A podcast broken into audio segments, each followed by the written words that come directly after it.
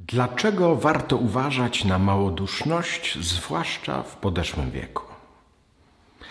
Ewagriusz mówi, że widział starca, który był krnąbrny i który chwalił się swoją pozycją.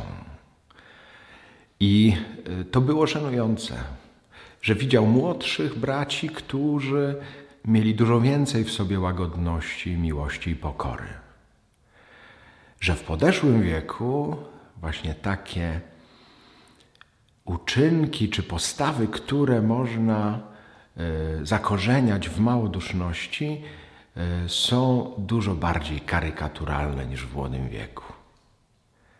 Ten, który już powinien osiągnąć jakąś mądrość i doskonałość, naprawdę wygląda jak karykatura, jeżeli karmi się małodusznością.